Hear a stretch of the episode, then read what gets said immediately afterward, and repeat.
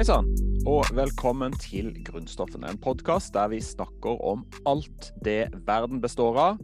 Det materielle vi omgir oss med, kroppens byggesteiner. Mitt navn er Gunstein Skomedal, og med meg som alltid har jeg Birte Runde her i studio. Velkommen. Hallo, Og eh, på link fra selveste hovedstaden, Ole Martin Løvik. Hallo, hallo. Og eh, Ole Martin, jeg ser at du nok en gang har greid å snike med deg en gjest. Eh, og vi kommer vel straks tilbake til hvem det er. Men, men først, i dag altså. Birte. I dag er det på en måte din dag, er det ikke det? Ja, jo, det, det er jo egentlig det. Jeg gleder meg veldig til i dag. Ja, for hva var ditt favorittgrunnstoff igjen? Det var gull. Og i dag skal vi snakke om gull. Fantastisk.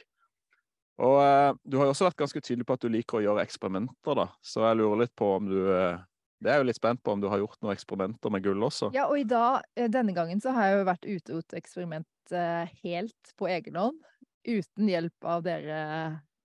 Og ehm, ja, Jeg er veldig ja, spent på åssen det går. Ja, eh, jeg, jeg kan si det, jeg kan røpe så mye som at resultatet ser dere på kroppen min. Oi, oi, oi. Så, ja, men det, det kommer vi tilbake til senere. Veldig spennende. Men du, Ole Martin. Ja, Uh, hvem er det du har med deg i studio her i dag? jeg har med meg Anja Røyne. Velkommen! Tusen takk. Hyggelig å være her. Og det er så stas å ha deg her. Det, altså, du er jo liksom noe av en, eh, et, et forbilde da, for oss som snakker om grunnstoffer, med din bok. Bibelen. Ja, ja. Den norske bibel om grunnstoffer. Menneskets grunnstoffer, er ikke den heter? Jo. Ja. Kan ikke du fortelle litt om den boka?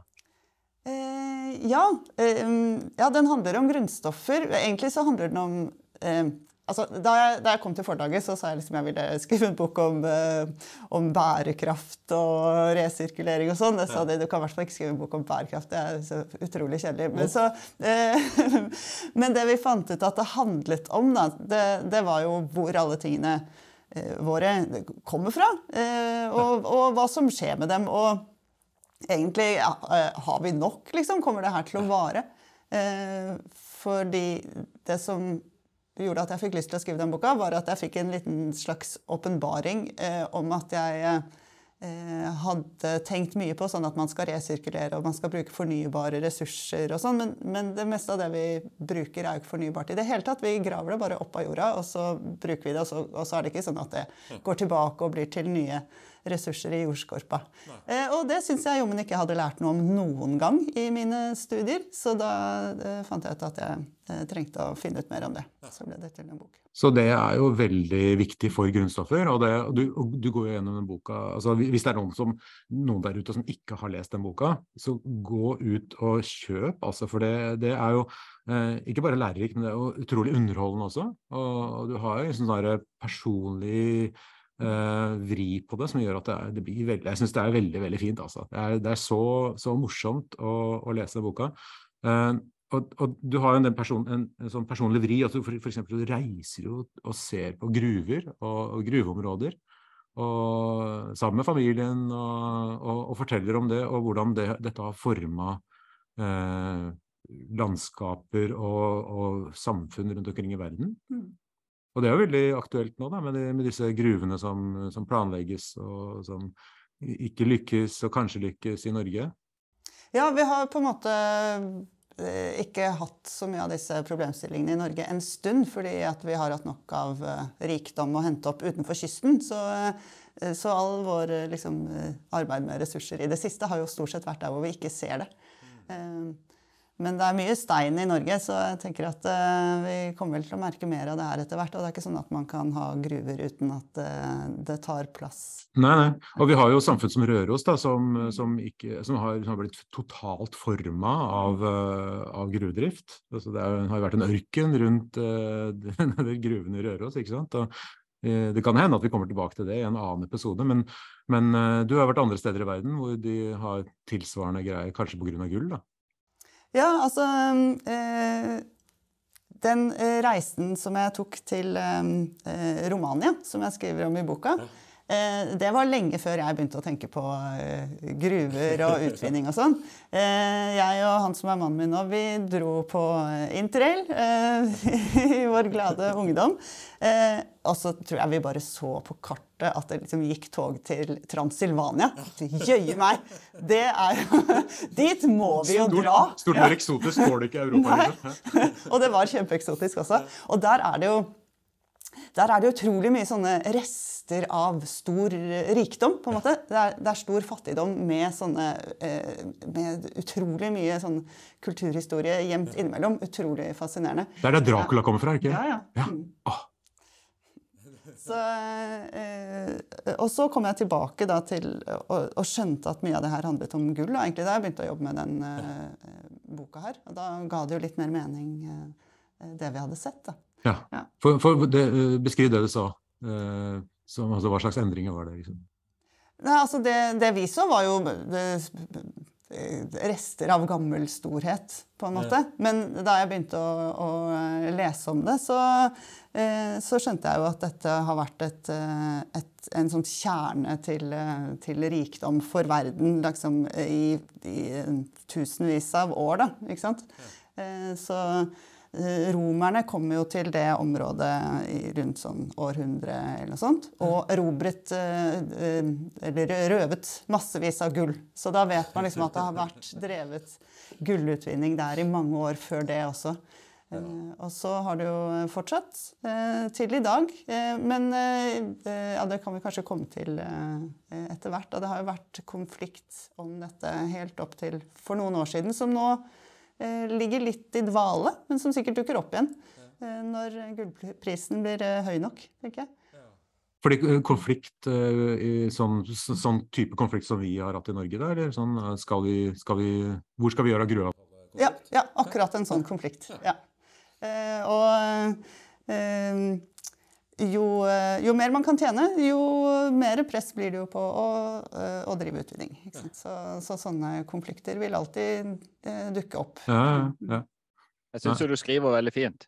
Byen som er grunnlagt av gull og har blomstret gjennom århundrer pga. disse rike ressursene, kan altså ende opp med å bli utslettet av den samme aktiviteten. Ja, for det som, ja, det som har eh, Det som har vært konflikten der, det er at det er en, en eh, bestemt by, da, og også en sånn veldig rik eh, gullforekomst etter Rocha Montana. der.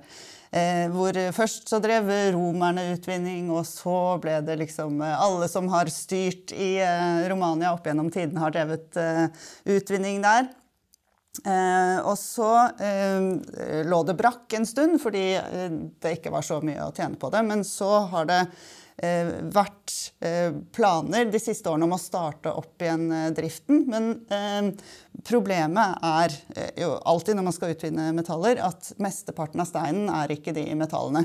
Så det er liksom bare en brøkdel som er det man skal ha, og da må man jo gjøre av resten et sted. Og da får du sånn gruveslam, hvor du har steinstøv som er blanda med vann, og det må gjøres av et sted. Og det som endte opp med å bli Eh, planen egentlig da var at eh, det deponiet skulle være i den dalen med den byen. Og det startet arbeidet med å flytte på ting og flytte på graver og, eh, og sånt. Så det er jo veldig dramatisk. Og, og, i området i nærheten der også så ser man sånne eh, kirkespir som stikker opp fra deponier etter eh, kobbergruvedrift f.eks. Så det er jo helt reelt. Um, Eh, men så ble det også veldig stor folkelig motstand. Og for to år siden, så det er jo etter at den boka mi kom ut, så fikk det området sånn Unesco verdensarvstatus. Eh, eh, så, som da gjør det mye vanskeligere. Og, så da var det, da var det de som ville bevare landskapet sitt, som vant i denne omgang. Akkurat det stedet som vant, ja. Altså, men uh, sånne bevaringskamper må jo vinnes igjen og igjen. Eh, du trenger bare vinne for å drive utvinning én gang. Det er noe med det. Mm. mm. Ja. Ja, det var, det, var, det, i uh, Transylvania? At ja. De, mm. ja, så det, de valgte å bevare området og ikke drive mer gruvedrift der? Ja, for nå så det ikke, er det ikke oppstart av den gruvedriften. Nå blir det ikke begravd flere kirkegårder? Nei, da de får ligge, de som ligger der nå. Mm. Ja. Det, er jo, det er jo dramatisk. Det, altså, vi, vi har, det er, og dette er en, en, annen debatt, på en måte, men det, jeg, jeg syns det virker som at det fins ikke noen veldig mange gode løsninger. da, altså Når alternativet til å tippe det i en fjord er å begrave en, en, dal som er full av mennesker som bor der og har levd livene sine der. Ja. Uh, så, men kanskje det finnes noen andre alternativer? Men, det er ikke så mye landskap som ikke brukes til noe, og som ingen har et forhold til. Da. Nei. Ja. Nei, det er bare det. Mm. Men det er ikke så mye gullgruvedrift uh, nå, er det det? Det er gullgruver i verden. Det utvinnes stadig gull. Um, uh, hvor er det det utvinnes eh, mest i dag? Det er mest i eh, Kina. Altså, men det er sånn forholdsvis jevnt fordelt. I, så andre metaller er sånn som er veldig konsentrert av bare noen land som utvinner nesten alt. Men eh, i fjor så var det sånn 10% fra Kina, 10% fra Australia, 10% fra Russland. Så Canada og USA også sånn over 5% og så er det liksom litt her og der. Sør-Afrika var jo veldig lenge en kjempestor produsent. ikke sant? Mm. Ja. Men de har, de har, kanskje gått tom for det drivverdige gullet, da? Ja, det går jo litt i, i, eh, i sykluser. og du eh, det starter en gruve med liksom høy, høy, konsentrasjon av gull, og så går du etter den høye konsentrasjonen, og så etter hvert så blir det lavere konsentrasjon av det du har igjen, og da mm. koster det jo mer å, å få det ut. Man plukker den lavest hengende frukten først, ja. er det ikke sånn? Ja. Mm. Mm. Ja, det som jeg syns er ganske fascinerende også med gull, og det du skriver om gull, Anja, eh, dette hvordan eksemplifiserer på en måte menneskets jakt og hunger etter disse grunnstoffene, og da særlig gull. Mm. liksom det har vært, det, og det går til det mer og mer det ekstreme, kan du si, i våre dager. Hvor mm. eh, ressursene blir stadig fattigere, og vi må bruke mer og mer energi. Og ikke minst deponi for å utvinne. Og det gjelder jo ikke bare gull, men det er jo noe sånn som du kan overføre til mange grunnstoffer etter hvert. Men det er jo, altså det er jo litt mangel på gull på Eller mangel og mangel, hva skal vi si. Det er, li, det er ikke så mye gull eh, på jorda. Ja, jeg tror vi må komme tilbake til det, for jeg har noe quiz her. Så vi må oh. alle jeg bare, jeg bare Spørsmålet rundt det er eh, hvordan på en måte oppstår dannelsen av gull? Ja, kanskje vi skal gå rett, eh, rett, på faktaboksen da, og få litt sånn fakta om gull og hvor det kommer fra. Er dere med på det? Jeg gleder meg til å høre lære mer om gull. Hmm. Ok, For det vi pleier å gjøre, Anja, vi har mm. eh, det vi kaller for faktaboksen. Der vi skal teste om eksperten på grunnstoffet faktisk er en ekspert. Uh, så har vi sånn at selvfølgelig Ole Martin og Birte, hvis dere kan svare eller uh, har lyst til å svare da, uh, så er det bare å rekke opp hånda. så skal dere også få muligheten. Men vi prøver først. Så vi begynner med litt sånn oppvarmingsspørsmål, Anja. Er du klar? Mm. Ok. Hva er atomnummeret til gull? 79. 79. Hva betyr egentlig det? Eh, det er antall eh, protoner i kjernen. 79, det er jo et ganske sånn uh... Det er ganske mye. Det er ganske mye. Det er tungt. Mm. Ja. Og når ble det egentlig oppdaga, da? Eh, nei, det vet jeg ikke. Det er jo veldig lenge siden. Det må jo være lenge siden. Gull som eh, Altså, gull har vi jo på en måte visst om alltid. Når ble det Men da lurer jeg også om du mener liksom at det er et grunnstoff og, og atomnummer og alt det der. jeg tenkte mer liksom når begynte mennesket egentlig å bruke gull, eller finne gull, eller I rein form, ja. ikke sant? Ja. Nå var det noen fant det stoffet, og så tenkte jeg at dette her er noe som kanskje kan ha verdi det, eh, gull har man vel nesten brukt så lenge det har vært mennesker. fordi Det som er veldig spesielt med gull, og det som også gjør at eh, jeg syns at gull er et veldig kult eh, grunnstoff, og liksom spesielt for å være metall, det er at gull fins i metallform i naturen. Altså Gull trives sammen med andre gullatomer og vil, liksom, vil gjerne være gull metall. Da. Sånn er jo ikke de fleste metaller. De vil jo helst, eh, helst henge sammen med svovel eller uh, oksygen, eller sånn, og så må man gjøre en kjempejobb for å lage metall av dem. Men siden gull kan finnes som gullklumper i elver og sånn, så er dette noe som Det har liksom mennesker visst om siden de fant en skinnende uh, klump i en elv. Det er det eldste metallet på en måte som mennesket ja. tok i bruk. Ja. Jeg, har en liten en litt sånn søt anekdote der om gullklumper i elver. Kan, kan jeg ta den nå, eller? Ja, fordi, da, vi, da, vi, bodde i California eh, et år, så hadde vi en nabo som, som var veldig hyggelig, og, men veldig hardtarbeidende. Han jobba, jobba veldig hardt hele tida.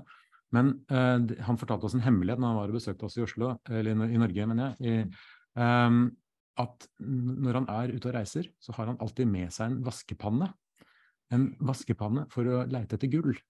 Så han drar til små elvefar rundt omkring i hele verden og vasker etter gull.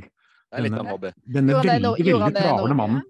Uh, han, han, nei, han gjorde ikke det i Norge, vi var ikke i nærheten av han kjente gullsteder. Men han, han, er, det er altså så, han finner altså så ofte sånne små gullklumper at han uh, i løpet av nå en 20-årsperiode så har han snart samla opp nok gull til å gi sin kone en, et gullsmykke i 60-årsdagen. Wow. Det er romantisk. Er ikke det utrolig romantisk? Det er sånn at det- eh, det- jeg skal, vi skal ikke forlove oss før jeg har samla nok gull. Nei, ikke sant? Det kan ta lang tid, da. Ja. Så, Ok, så, men, Neste spørsmål. Skal vi prøve på det? Ja. Uh, hva er smeltepunktet til gull? Eh, Du må ha ganske, du må ha det ganske varmt før gullet begynner å smelte. Jeg vet det. Ja. Vet du det, Birte? Jeg vet det. Ja, ja. Ja. Ja. ja, for du, 64, da, for å være helt nøyaktig. OK, da. Det var vanskelig, Gunstein. 1000 grader, ja. Grader. Vi får vite Ja, det- hvorfor du veit det seinere, Birte. Gjør vi det? Ja, ja, ja. Jeg har gjort Ja. min research. Jeg har vært på, ute på tur. Om smelting og gull. Ja, spennende. Ja. Hva med tettheten? Har vi altså inne på det er tungt. Hvor tungt er det egentlig? Hvor mange kilo per liter? Ja. Kilo per liter. Jeg vet hva atommassen er. Ja, kan, eh, det er lov å svare, det òg. Mm. 197 omtrent. Men Ja. Så det betyr at det er mange flere uh, nøytroner enn protoner i kjernen, i hvert fall. eh, mm. Så, nei, så det er med på å gjøre det tungt. Nei, men jeg har, jeg har lest, eh, lest om eh, tettheten, fordi jeg skulle regne ut eh, jeg, kom, jeg kommer snart tilbake om til noe, for jeg måtte finne ut hvor, mye, hvor tungt en, en bitte liten gulldings var. Eh, og da så jeg at den var drøyt 19 kilo per liter. Og det er jo veldig mye! Det er jo sånn fire ganger så mye som andre vanlige metaller som vi omgir oss med. Så det er jo, det er jo kjempe, kjempetungt. Du bare oppdager jo med en gang at noe, altså, hvis du har gull, så, så det er rett og slett veldig tungt i forhold til hva du tror det skal være. Det er bare ikke så ofte man får muligheten til å oppdage det. Nei, ikke en sånn sant? stor Nei, klump med ja, gull. ja. Mm. OK, men uh, la oss eh, se Altså, hvor mye, hvor mye gull har vi, da? Uh, hvis vi tar jordskorpa først. Hvor mye, gra, hvor mye, mye gull er det egentlig i jordskorpa? Ja, sånn konsentrasjon i jordskorpa. For eksempel, da, gjennomsnittlig. Det er ikke så mye, er det det? Nei, Det kan ikke være blant de- Det er ikke så veldig mye. Det blir mindre og mindre dess lenger utover du går i grunnstoffrekka, liksom. Ja. Eh, Det er som PPM, da. Kan det være det? Ja, enda mindre. Enda mindre PPM. Og så deler per million. Eh, Deler per milliard, da. PPB, er det? Det er det? det er sjelden. 5 PPB.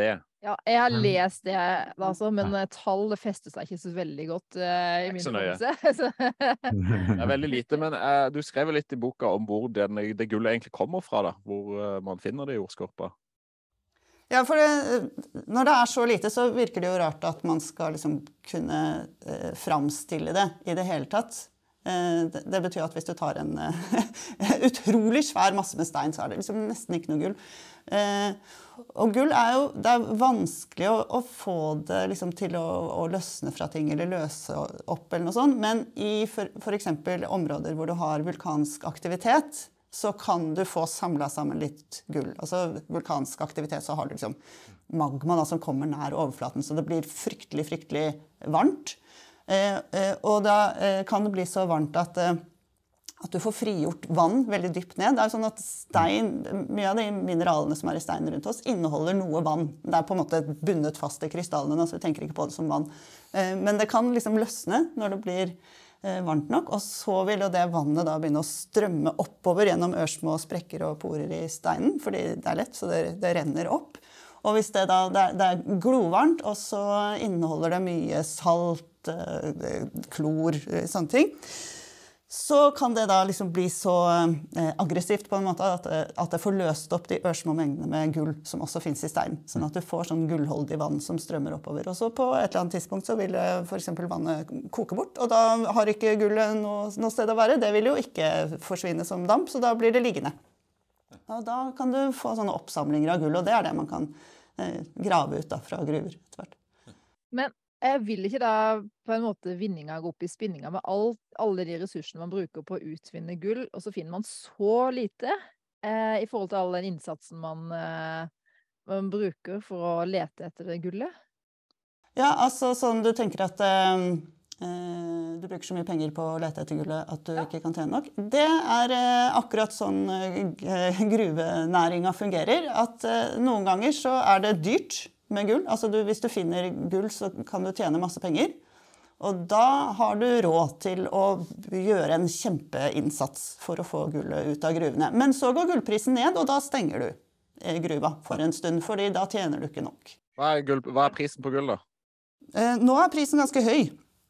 Eh, Det slo jeg opp. Så nå koster det eh, Det er 62,8 millioner dollar per tonn. Var det for et, noen dager siden. Ja. Ja. Ja, det er ikke så ofte man handler gull eh, Tonn. Eh, så oversatt da, hvis du skal ha da Jeg vet ikke hva veier eh, Men hvis du deler på, en, smykke? hvis du deler på 1000, da, så får du per gram. Så da får du omtrent 700 kroner per gram, gjør ikke det? Jeg tror det, blir, det er omtrent det som er prisen i dag. Ja, så man regner kan, kan heller regne i Du i kan også regne i gram. Mm. Mm. Det stemmer ganske godt overens med sånne smykkepriser, da, som er noen gram, og så koster det noen tusen kroner. Ja. Ja. Men du, eh, altså, vi, er jo veldig opptatt av hva som skjer på jorda her, men, men jeg lurer jo på, Anja, hvor, hvor kommer egentlig alt det her gullet fra? For det er jo ikke sånn at det, det lages gull inn i jordas kjerne eller noe sånt. Nei, det, det skjer ikke så mye på grunnstofffronten inni jordas kjerne. Eh, eh, For å lage gull, eller for å lage noe som helst slags grunnstoffer, så, ja, så må du starte med noen andre grunnstoffer, da, egentlig. Eh, Så, eh, men for å lage noe som er så tungt som gull, så må du klemme sammen noen andre eh, kjerner. eh, For å få større og større kjerner. Og man kan få klemt sammen ganske mye inni, inni stjerner. Men eh, selv en stjerne, selv liksom den største stjerna du kan tenke deg, som har, er så svær og trykker med så stor kraft på det som er inni midten av stjerna, har ikke nok eh, kraft til å lage gull. Eh, og selv ikke kanskje når eh, den stjerna eksploderer, altså når du har en sånn supernova, så er jo helt gigantiske ting som skjer i verdensrommet, hvor du kan få lagd ganske mye mer grunnstoffer, fordi at da, da smeller jo ting inn i hverandre. ikke sant? Det er massevis av energi og fart. Selv ikke det er kanskje nok til å lage gull. Så det, det man eh, har klart å regne ut og vet Dette er jo fortsatt et pågående forskningsfelt. Hvordan lager du gull? Eh, men eh, som jeg har skjønt det, så kan du sannsynligvis lage gull med Ok, Vi står av to stjerner da, så, eh, må huske at universet er veldig gammelt. Det har holdt på veldig lenge. Så eh, Noen steder så har du to stjerner som på en måte går i bane rundt hverandre. Et sånn stjernepar som lever sammen.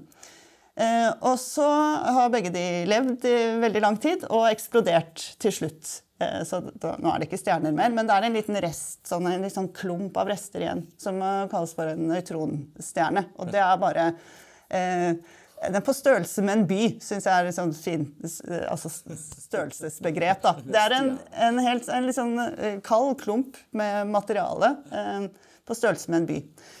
Og så har du kanskje to sånne, da, fordi du har hatt to stjerner. Og så tar du utrolig lang tid, og de svirrer rundt hverandre. Og så med årenes løp så kommer de nærmere og nærmere hverandre. Og hvis de til slutt da liksom faller inn på hverandre, så de krasjer med hverandre, det er en ganske ekstrem hendelse.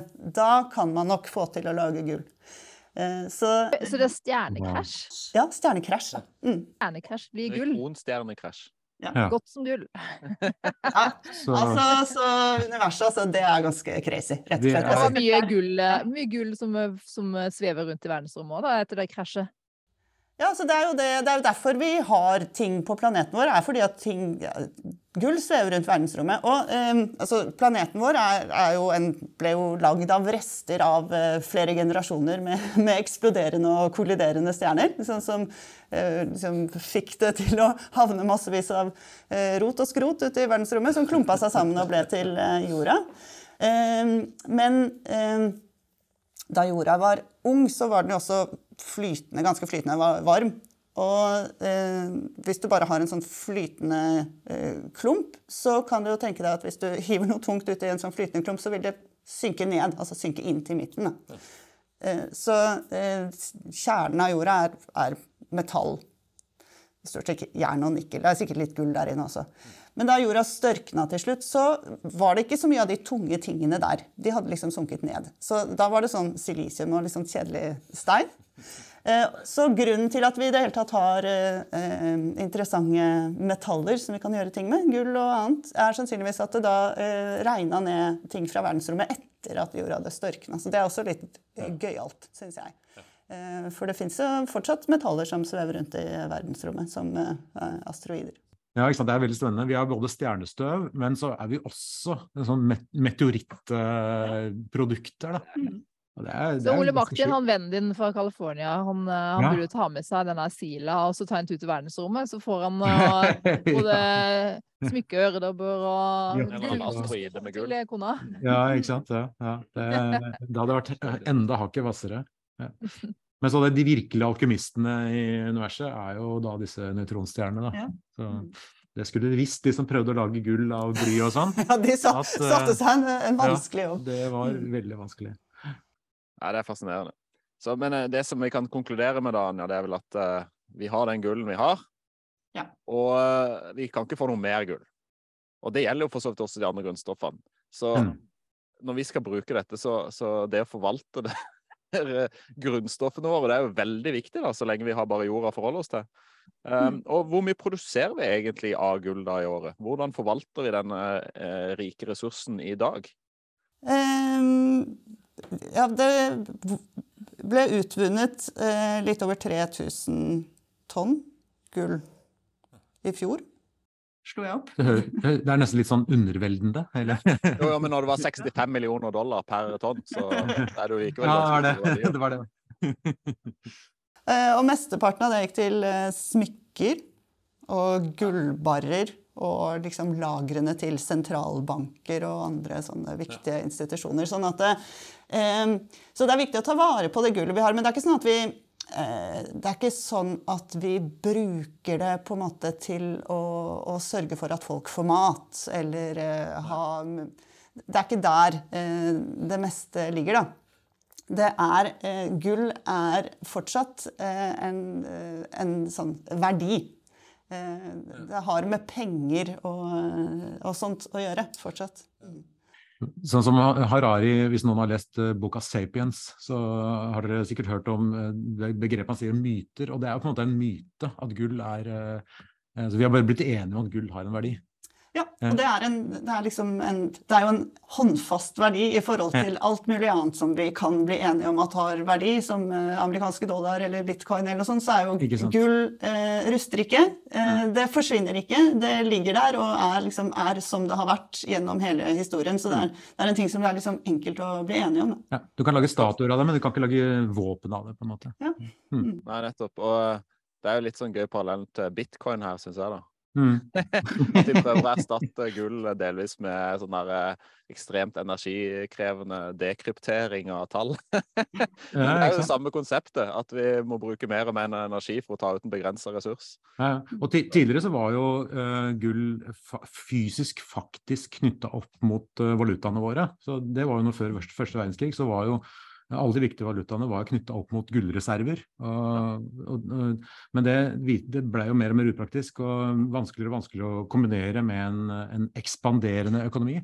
Man brukte mye eh, tid og krefter på å frakte gull på tvers av verdenshavene. rett og slett. Mm. Og derfor ligger det masse gull på, på havets bunn også. Hvor mye gull har vi utvunnet da gjennom historien?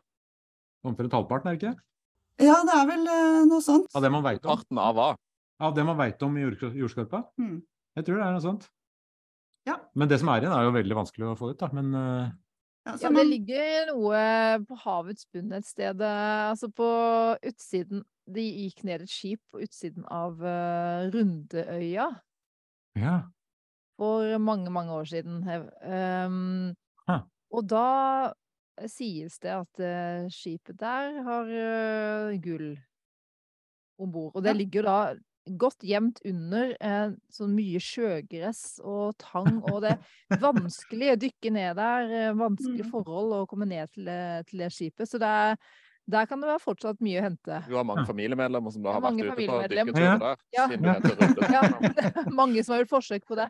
ja, det her eh, var jo sånn som jeg, prøvde å finne ut av da jeg skrev den boka. Da fant jeg f.eks. ut at uh, man regner med at det er omtrent 100 tonn gull i sunkne skip. Og fordi gull er så verdifullt, så, så har man, man har veldig god greie på uh, hvor mye gull som finnes, og hvor det er.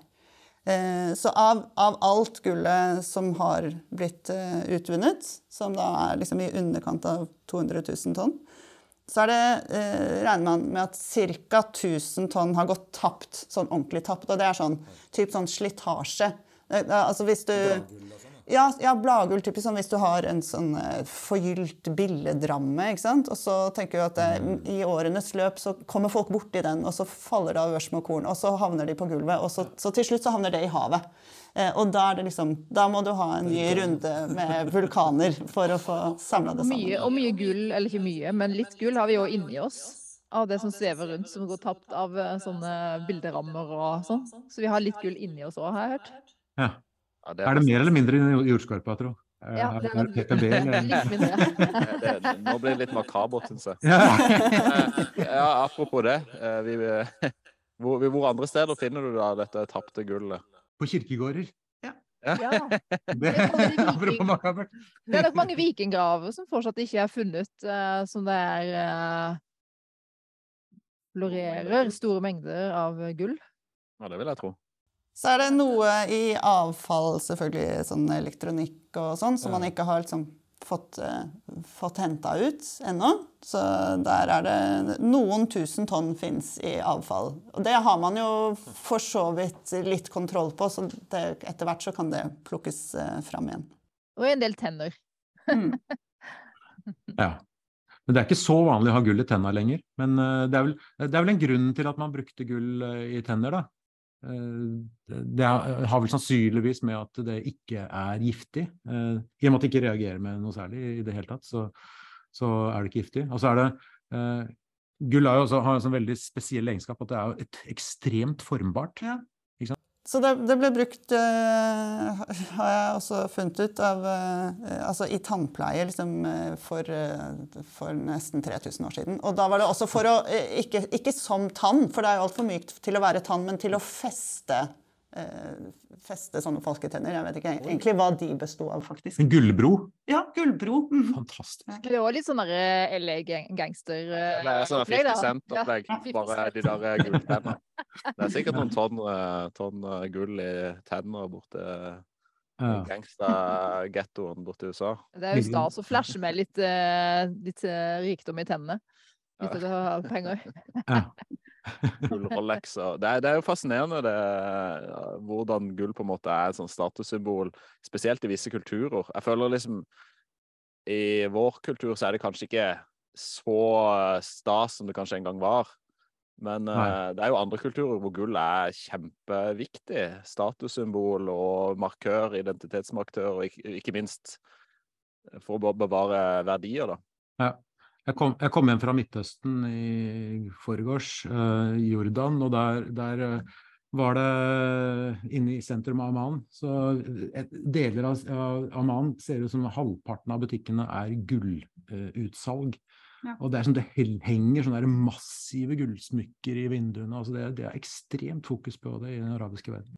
Men det er jo eh ikke bare pga. Liksom, mote og forfengelighet. tenker jeg. Det jo når Hvis du lever i et ustabilt samfunn hvor det, altså, alt det med valuta er vanskelig, liksom, hva, så, er, eh, så, er, det å ha gull til, eh, som du kan selge i en knipe, er liksom, det er en slags sånn livsforsikring. Da. Du kan ikke ha, Hvis du har lokal valuta, så vet du ikke om den er verdt noe den dagen du trenger det.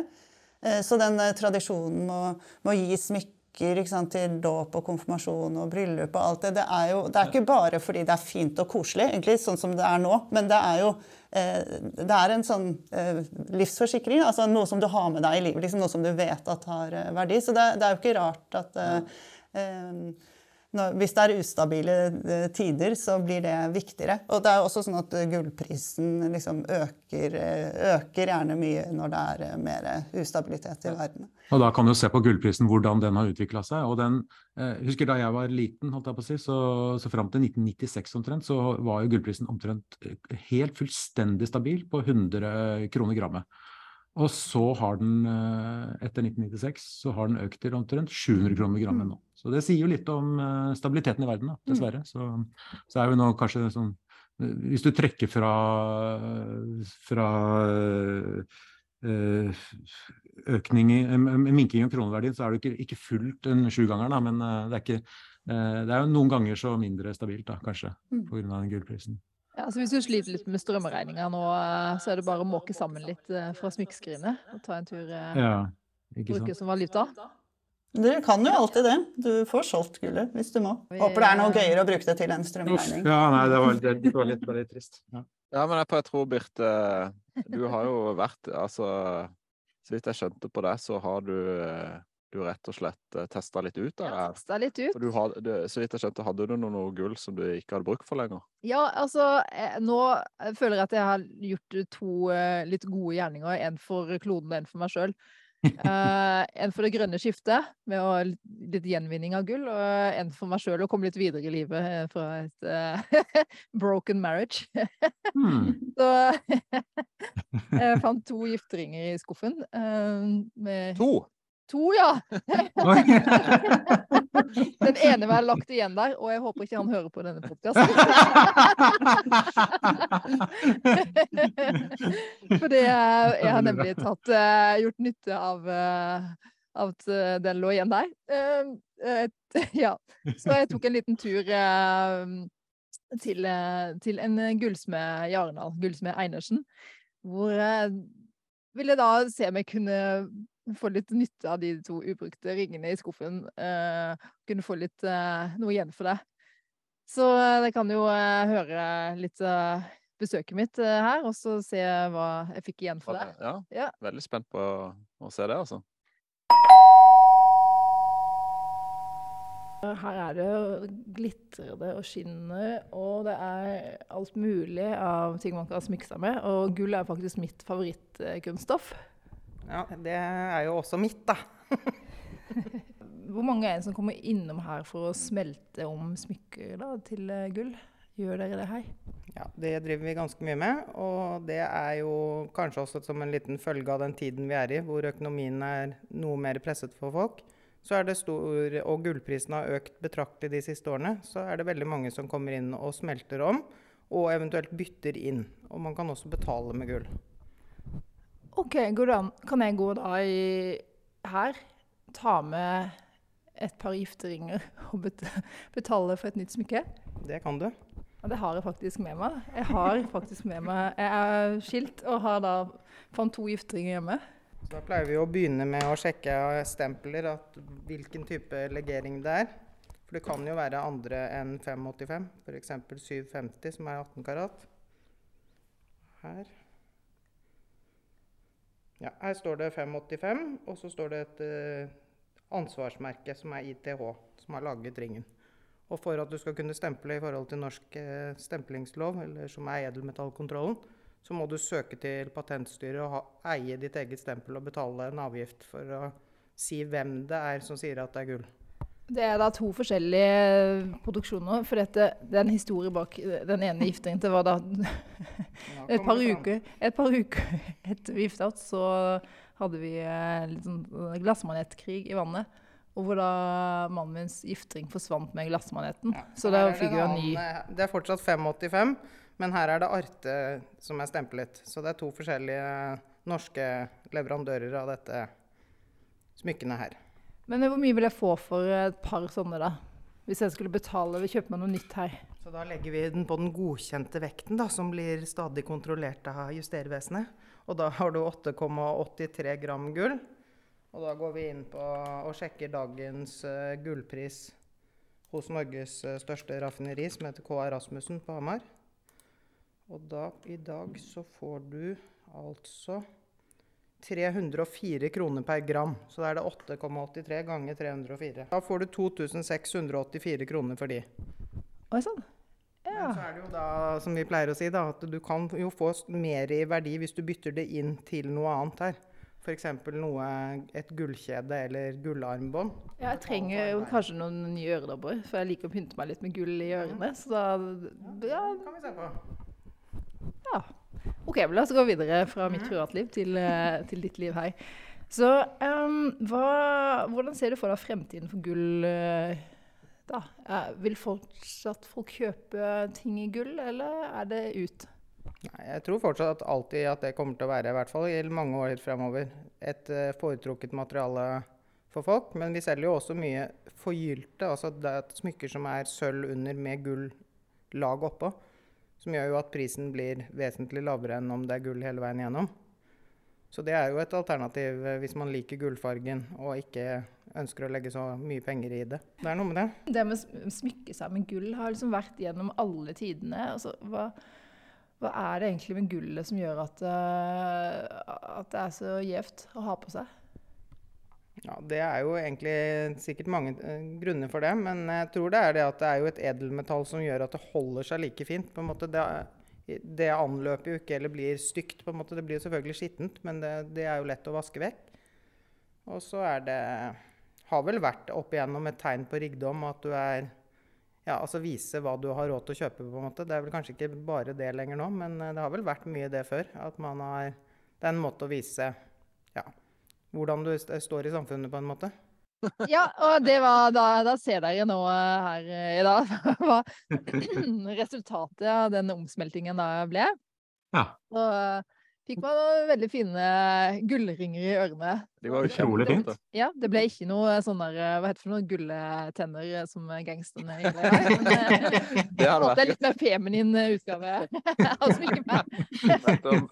Gifteringer til det gulltenn. det sånn eh, trenger ikke å smile skeivt så gulltenna vises. Ja. Ja da. Nei, men så det var For meg så var det litt uh, Ja. For meg så var det litt eh, overraskende, egentlig. At eh, det gikk an å smelte om eh, gamle smykker, og så kunne man finne noe Få noe nytt ut av det. Så gull har verdi som penger, altså. Mm. Noe å tenke på i de litt sånn trangere økonomiske tidene som veldig mange er i akkurat nå. mm. Ja, nei, det var jo tydelig, det. Det kanskje jeg som må gå på loftet og sjekke. Eh, Kanskje flere har noe jeg kan gifteringer. betrygge kona mi med at eh, gifteringen er trygt på hånda ennå. Kanskje Siving-ringen, jeg vet ikke. ja. Smelt om den. ja. Jeg, slipper, jeg håper jeg slipper å, å smelte om mye, mye gull. Det holder jo lenge, heldigvis. Yes. eh, Skal vi gå til fun facts? Ja. ja, skal vi rett og slett gå til litt fun facts? Nå, nå har vi eh, Jeg følte, Anna, du, du svarte veldig godt her. Du er tydelig at du er en ekspert på dette feltet. Så, eh, så vi må ha litt Men Ole Martin, eh, Ja. du ikke med noe du som har relatert til gull, da? Jo, jeg har med faktisk to, to ting, da. Og det, det er jo den, den første kan jeg vise fram. Dette er på en måte eh, bare søppel, da. Men eh, det er altså et lite Gullsøppel. Det er litt med gull, gull, gullsøppel. Det ser ut som et sånn sjokoladepapir som har puttet seg de der Mozart. Ja, ikke sant? Det er, det er fra Charlies eh, sjokoladefabrikk. Ja. Eh, det er et slags bladgull, men som har blitt forma på, på, på innsida av et uh, gullpådampingsmaskin. Uh, og her har jeg noen andre ting som, eh, som, som, hvor det er rett og slett pådampa gull. da. Eh, dette er noen små insekter. Det er blant annet en flue eh, der. Jeg vet ikke om dere ser det. Uh, Er det altså er- hva, er det Gullbelagt flue? gull- det er gullbelagt flue, Uh, og så er det en uh, gullbelagt flått og noen greier. Ja, Og, Det må du forklare nærmere. ja, og, og, og dette er jo, den er jo eh, gullbelagt. Det er ikke for å drepe den, sånn som, eh, sånn som skurken gjør i James Bond-filmen eh, 'The Man with the Golden Gun'. Eh, hvor det er en dame som blir drept av liksom, å få kroppen eh, fylt, alle, alle hudporene fylt av gull. Som om vi var en frosk som pusta, pusta med huden. Uh, nei, dette er uh, pådamping av en flue for at man skal kunne se på den i et elektronmikroskop. Fordi elektronmikroskop krever at du får Altså du ser på ting der med elektroner som sendes mot, mot en gjenstand. Og så, eh, og så må de elektronene komme eh, til et eller annet sted hvor du får, eh, får sett de elektronene. Og da er det mye lettere å få til det hvis det du ser på, er elektrisk ledende. Så her For elektroner er jo egentlig bare det som eh, Når vi har strøm, så er det jo elektroner i bevegelse. Det er nettopp det. Så, så du, må, du må få, en, få slutta kretsen, på en måte. Altså, hvis du har noe som ikke leder elektroner, som f.eks. En, eh, en død flue, så vil den bare være som en eh, isolator. Så du får ikke støt, men du får heller ikke sett den i elektronmikroskopet. Så eh, for å se den fint i mikroskopet, så damper man et tynt lag med gull utapå den flua. Omtrent 30 nanometer tykt er det laget. Og da vil den være Den vil da være omgitt av damp i noen sekunder. Uh, den maskinen er utrolig kul. Den, den, sånn, den har altså et, et sånn gullag inni en sånn klokke som, som tømmes for luft. Og så når den damper på, så er det sånn der rosa, lilla lys inni der. Det er, sånn der, det er blingfaktor på en million. Og, eh, og prinsessefaktor. Altså det er bare helt fantastisk kult. Også Men Er de der insektene levende når de blir dampa med gull, eller? Det... Nei, det, det, den ville, det ville, det ville slitt med å få, få til det. Ja, nei, så den, den var allerede død. Ingen insekter eh, ble skadd av dette forsøket. Eh, eller i hvert fall ikke etter at det begynte å dampe på gull. Nei, så da, da, kan du se den. Og, og, dette er eh, Mange spør jo er dette veldig kostbart, da, siden du har masse gull her. Og så kan vi regne ut sånn ca. 30 nanometer tykt og kanskje en kvadratcentimeter. Så, og da måtte jeg gange med, med, tettheten av gull for å finne ut hvor mange gram gull var. Da, og det er omtrent 60 mikrogram, altså 60 milliontedels gram.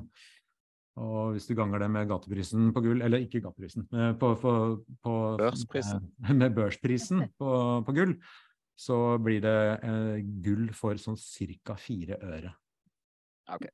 Det, ikke... det, går likevel tapt, eller resirkulerer du det gullet?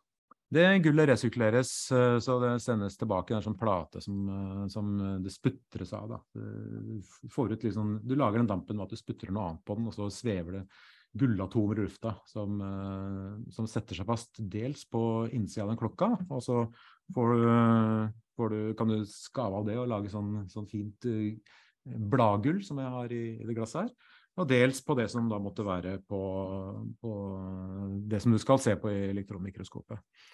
Så, det... så, gullet har da en funksjon med, med måte, at du må bruke gull for å kunne få se de insektene i mikroskopet? Ja, og dette er insekter, da. Det, det, jo, det blir liksom morsomt. Det er sånn som vi viser fram til, eh, til folk som kommer og ser på laben vår. Så ser de se hvor du kan se vi kan zoome inn på fasettøyene til mikroskopen, eller så vi kan telle hvor mange hår det er på beina eller i neseboret eller hva det er for noe i en flue.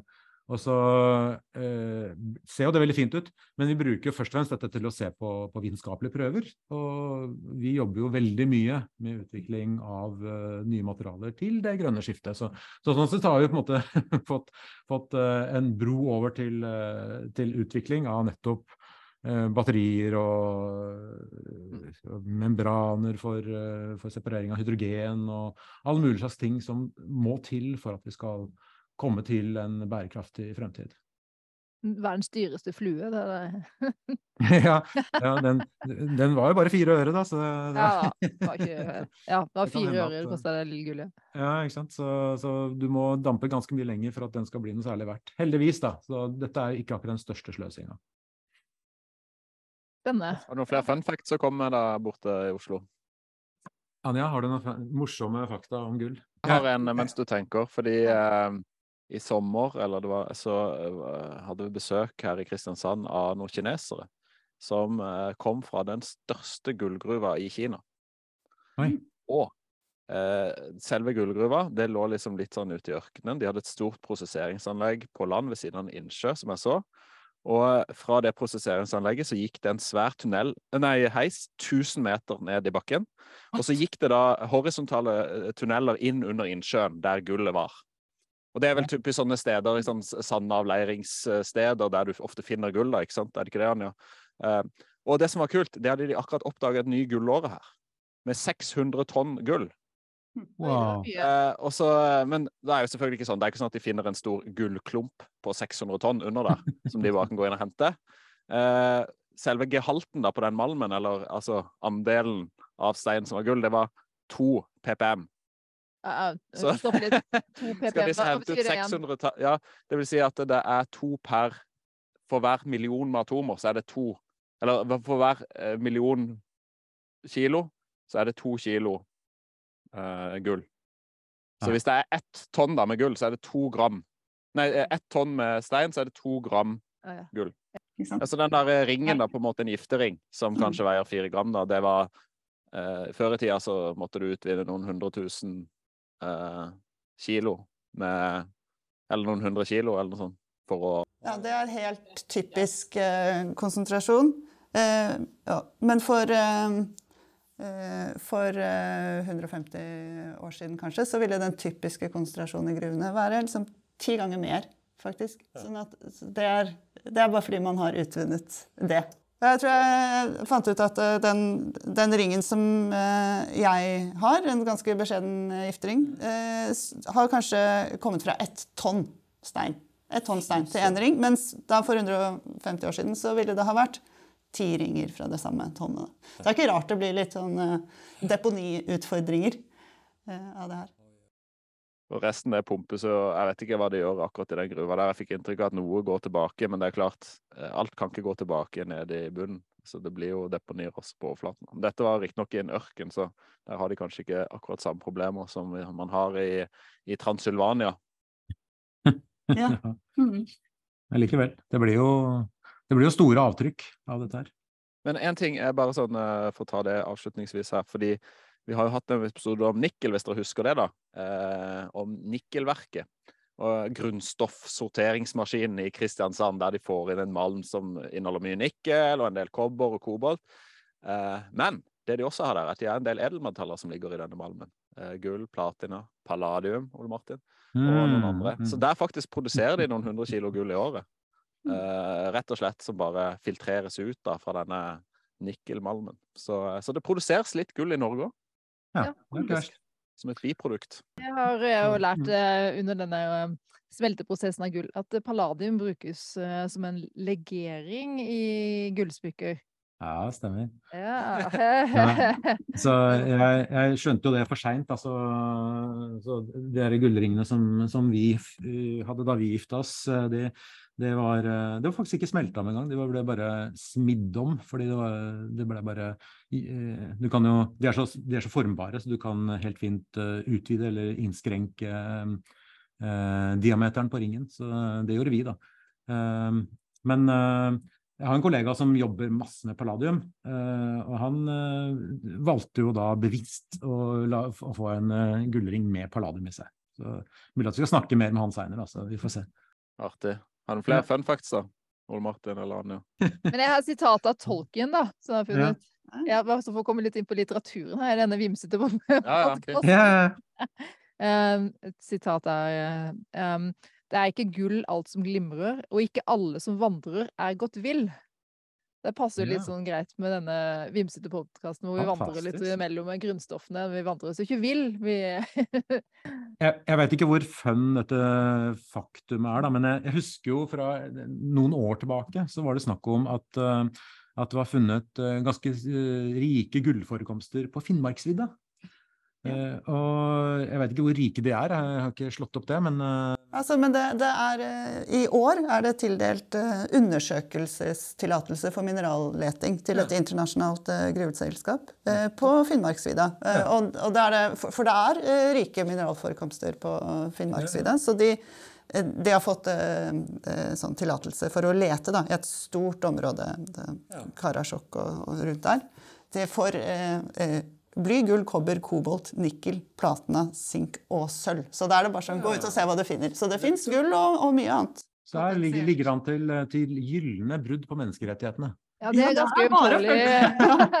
Eh, Alle som har eh, fulgt med på den debatten, ja. Så Ja. ganske ømtålig tema å drive gruvedrift eh, på meg Reindrift og Men det skal vi ikke komme inn på her. Nei, jeg ser, ser for meg enklere steder å, å begynne med gruvedrift. For, for det var snakk om dagbrudd også, ikke sant? Altså ikke å, å bore seg ned i bakken, men rett og slett å bare eh, lempe ting til side. Og, fordi det var, det, var, det var så overflatenært, tror jeg, mye av det, det som var der. Jeg husker det var snakk om det i hvert fall.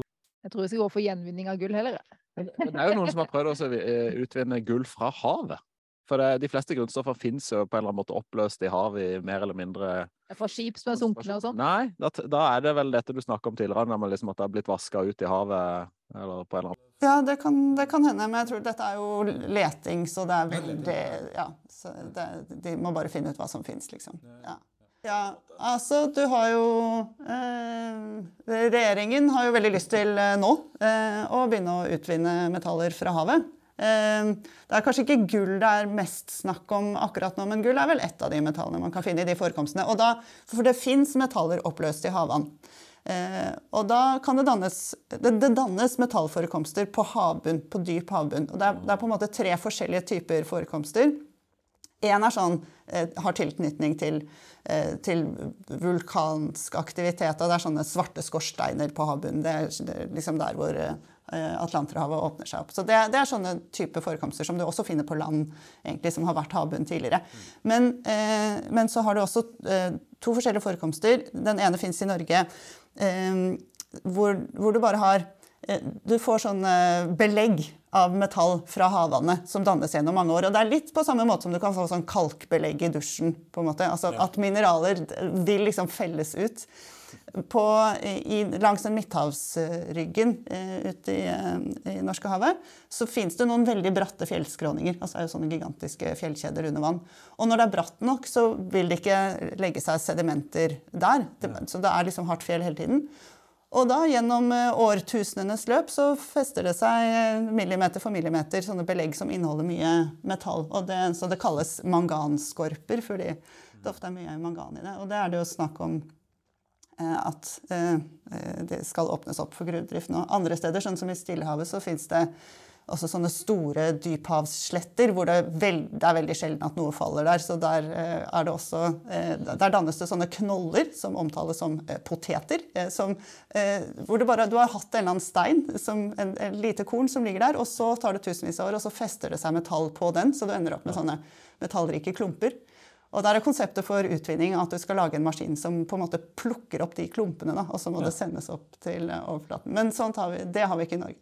Men ja, så der kan du kanskje, Hvis du skal utvinne fra havet, så er det på en måte det som gjelder. Da. Så konsentrasjonen i havvannet i, i, seg er veldig lite. Men der, der hvor det har festa seg på overflater, så har det på en måte Fascinerende. For jeg, men jeg vet at han, har, han Haber, som eh, holdt på med Haber-Bosch-prosessen og binder nitrogen, som vi skal snakke om senere, han prøvde seg også på, eh, på å utvinne faktisk gull fra havvann eh, for ja.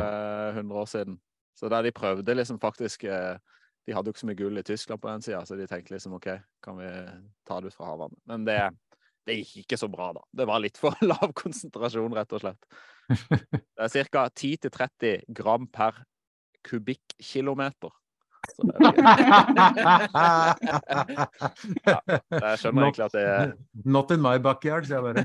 Men jeg er fortsatt litt på det der at det, det er jo Altså, bru, altså, man bruker jo egentlig ikke gull til noe nyttig. Nei. Egentlig. Det er et godt poeng. Ja, så hvorfor skal man bruke så ødelegge mye av naturen på å finne, grave frem gull, når det bare egentlig er uh, rikdom og ja. smykker og Objection! Objection! du, du, kan bruke gull til noe nyttig. Ja, som fluebelegg? Eh, ja, ja, men i tillegg til det uh, uh, Over til den biologiske seksjonen. Ja. Det finnes mange som forsker på å bruke nanopartikler av gull. Altså gullpartikler altså, som er en, en milliardedels meter i utstrekning. sånn tusen, mange tusen ganger så, så, så små som, som, tykkelsen på håret ditt. Fordi hvis du kan uh, putte ting rundt uh, disse små nanopartiklene, så vil de feste seg til forskjellige ting i kroppen. Du kan sende dem rundt omkring i kroppen, og så kan du uh, se med forskjellige bildediagnostikkverktøy, så kan du se hvor gullet fester seg. Og dermed så kan du oppdage svulster, og du kan, eh, kan, eh, gjøre mye rart med, med, gull. Og Det kan også brukes til uh, behandling, for du kan sende ting akkurat dit det skal osv. Så, videre. så dette er et, helt, et, et, stort felt internasjonalt. Det finnes masse store, tykke, lærde bøker som er skrevet om det. Ja, Det er ikke så veldig kjent at det brukes da i lege, legevitenskapen for å Nei, ikke... Det er det mest stabile grunnstoffet vi har, på en måte, i, alene. Ja. Det som trives best i eget selskap. Ja, I motsetning til oksygen, oksygen som er så klengete. Det er det mest klengete, og gull er det minst klengete. Liksom. Så, så gull er litt som den ja. ensomme ulven i grunnstoffene. Som er sterk og ensom ulv. Han danser for seg selv. Akkurat det med elekt elektronikkavfall er gøy, for jeg har vært på det største gjenvinningsanlegget for elektronikk i hele Nord-Europa, eh, som ligger i Halmstad i Sverige, Stena Recycling. Jeg har vært der eh, og så på eh, sorteringsanlegget de sitt. Der står det fire personer eh, på døgnkontinuerlig skift og sorterer alt elektronikkavfallet fra hele Skandinavia. Eh, Veldig mye rart de fikk inn der, da. Og eh, det går da videre til sånne sorteringsanlegg der de knuser ned til fine partikler. Og så, så tar de jo sikkert gull som er veldig tungt, da. Det kan de sikkert måtte ta ut sammen med kobber og andre tunge grunnstoffer. Og så går det da til Boliden oppe i nord i Sverige for å smeltes om sammen med kobber. Og det er stadig større andel av det Boliden produserer metall, som, som, og gull og kobber og dette her, som, som kommer fra elektronikkavfall. Så eh, det virker i hvert fall som vi har gått eh, kommet litt videre der. At så lenge folk på en måte tar elektronikken sin og eh, gir det til avfallsbransjen, og ikke bare eh, lar det ligge på dynga sammen med alt annet, så kan man faktisk gjenvinne det veldig bra. Det var veldig hyggelig å høre, altså. Sånn, det er ikke eh, enormt mye, men det er fortsatt en betydelig del av gullet som brukes i elektronikk til Der hvor du skal ha ledestrøm fra en ting til en annen, så er jo gull Det er sikkert derfor dere bruker det til de beleggene også. Det er jo sånn at gull For da, hvis du har eh, ja, eh, I ett tonn med mobiltelefon, så er det utrolig mye mer gull enn i et tonn med stein. Eh, Så, så det er liksom et godt alternativ til eh, den gruvedriften som er fra jordskorpa. Urban gruvedrift, da. Mm. ja. Så eh, jeg har tatt vare på masse gamle, mobiltelefoner. For jeg tenker at jeg, jeg venter med å levere dem inn til jeg tenker, til, tenker at dette nå Det er et det gode nok Nei, nå er det en investering for, eh, for fremtida og for samfunnet. på en måte, For jeg tenker at eh, dess lenger jeg venter, dess bedre blir resirkuleringsteknikkene. Sånn at det blir bedre å ta ta hånd om. Og, men det er klart, alle kan ikke gjøre det, for da vil jo ingen utvikle teknikkene. Så jeg må kanskje levere det inn nå, sånn at det, det blir en business rundt mobiltelefonene våre også. Med fremtiden så kan du kanskje bruke de gamle mobilene dine som valuta òg. Ja, ikke sant. Jeg husker da jeg eh, Her kommer en fun fact. Her kommer en fun fact, eller en slags fun historie. Eller, eh, jeg husker da jeg, det, er En av dem jeg studerte sammen, veldig hyggelig og artig fyr, han, han hadde en, eh, en bijobb eh, med å selge eh, gullkabler til, eh, til lydanlegg. Fordi han mente at, eh, at der, de, de kablene hadde så mye bedre egenskaper enn vanlige kabler. sånn at eh, du hørte veldig tydelig forskjell når du hadde et uh, stereoanlegg som kosta 100 000. Da, da var det verdt å betale et par tusen ekstra for gullkabler. Ja, jeg føler det er ja, OK. Så, ja, så, eh, jeg har ikke så godt god, gode, godt gehør, eller hva det heter. Ellers er jo eh, mors Andre morsomme fakta om gull er jo at eh, det, eh, det er jo så formbart at du, du kan eh, valse det veldig, veldig tynt. Og det er jo det som har gjort at du har, eh, har lagd sånne bladgull. Liksom. Dette har jo mennesker, kunne gjort eh, lenge før de hadde sånne enorme valser som lager papirtynne eh, plater. Så det er også noe av det som er helt spesielt med, med gull som, som grunnstoff, at det er det aller mest formbare eh, materialet vi, vi kjenner, altså metallet vi kjenner. Så det er veldig spesielt sånn sett. Ja, så er det jo eh, noen av dere som har drukket eh, champagne med liksom, gullblader i. ja. Sorry, jeg vanker Det- ikke i de kretsene som du gjør. Nei. Nei, nei, nei, det gjør ikke jeg, nei. Men det gjør jeg titt ofte.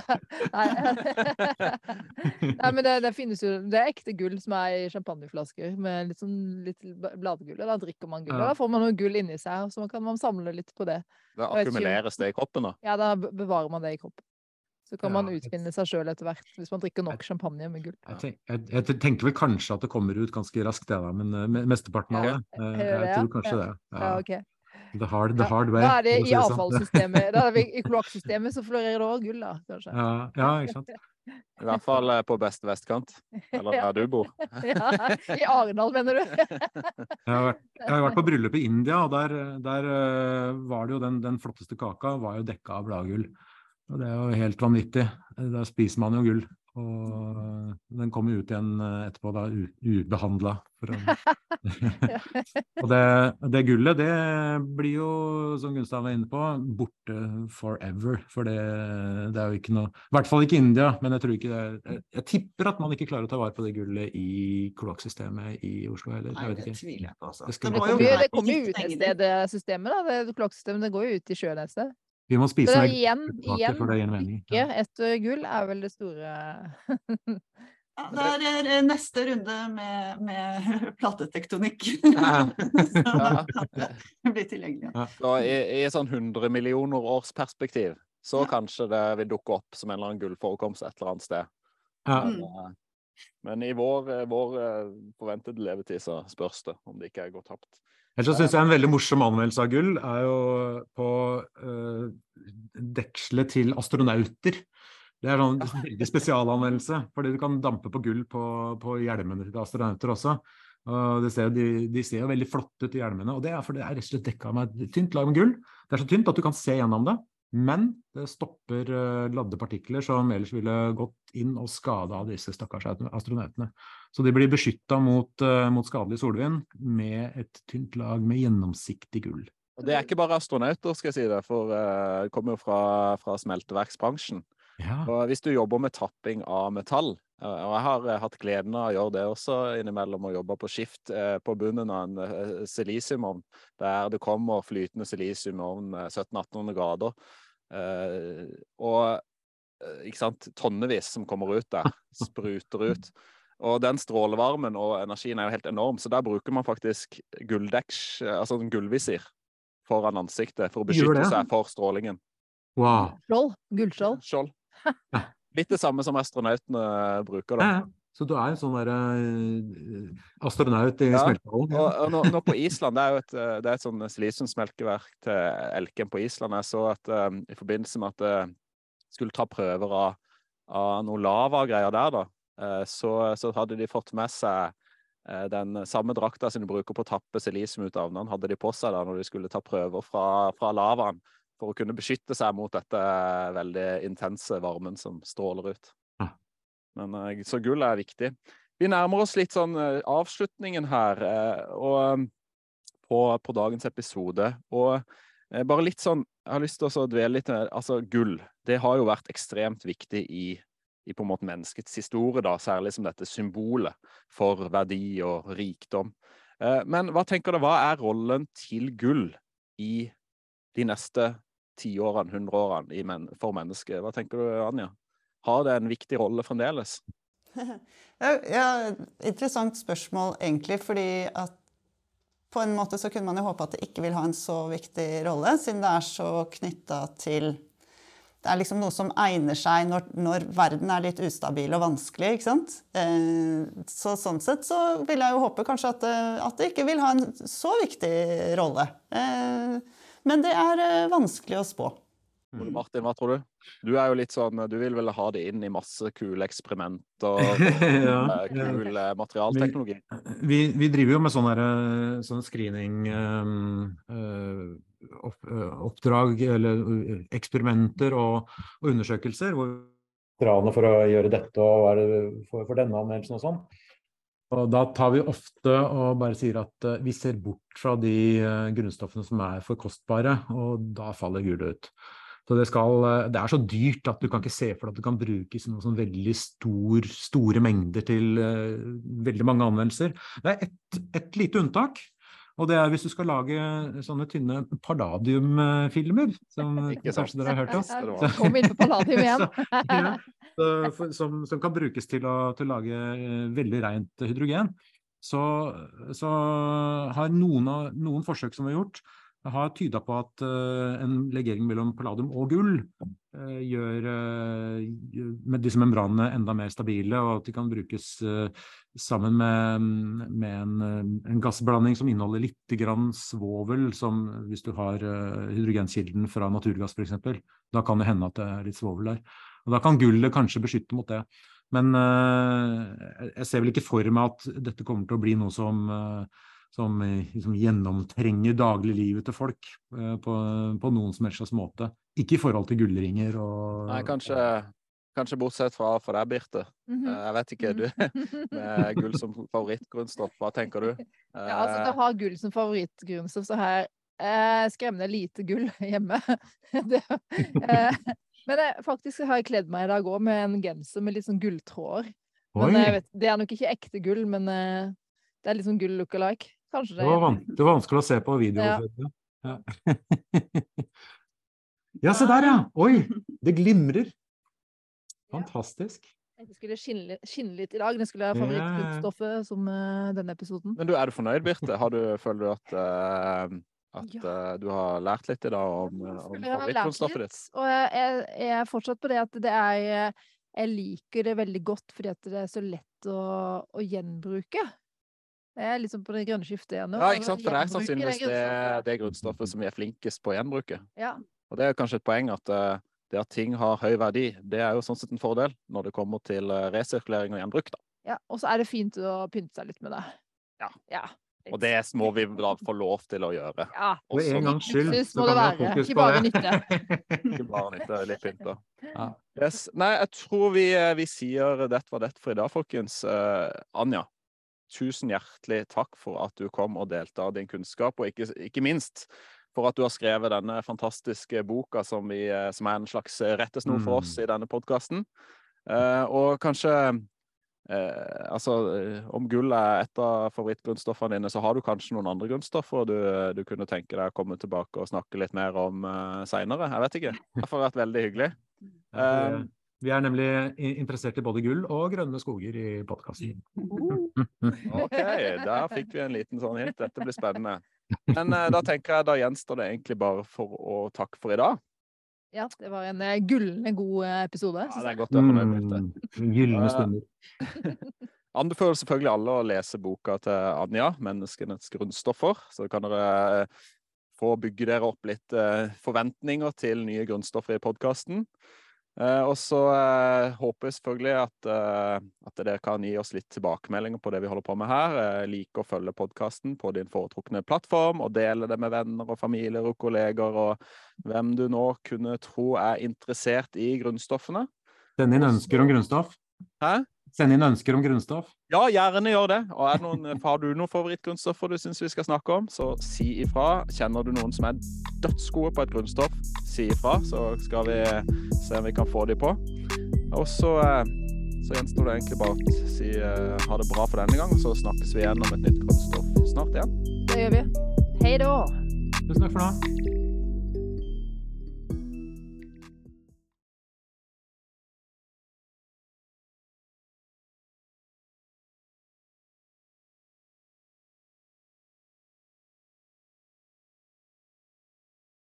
Ha det bra. Ha det bra. Ja, det kan godt hende. Jeg har mange på lista mi.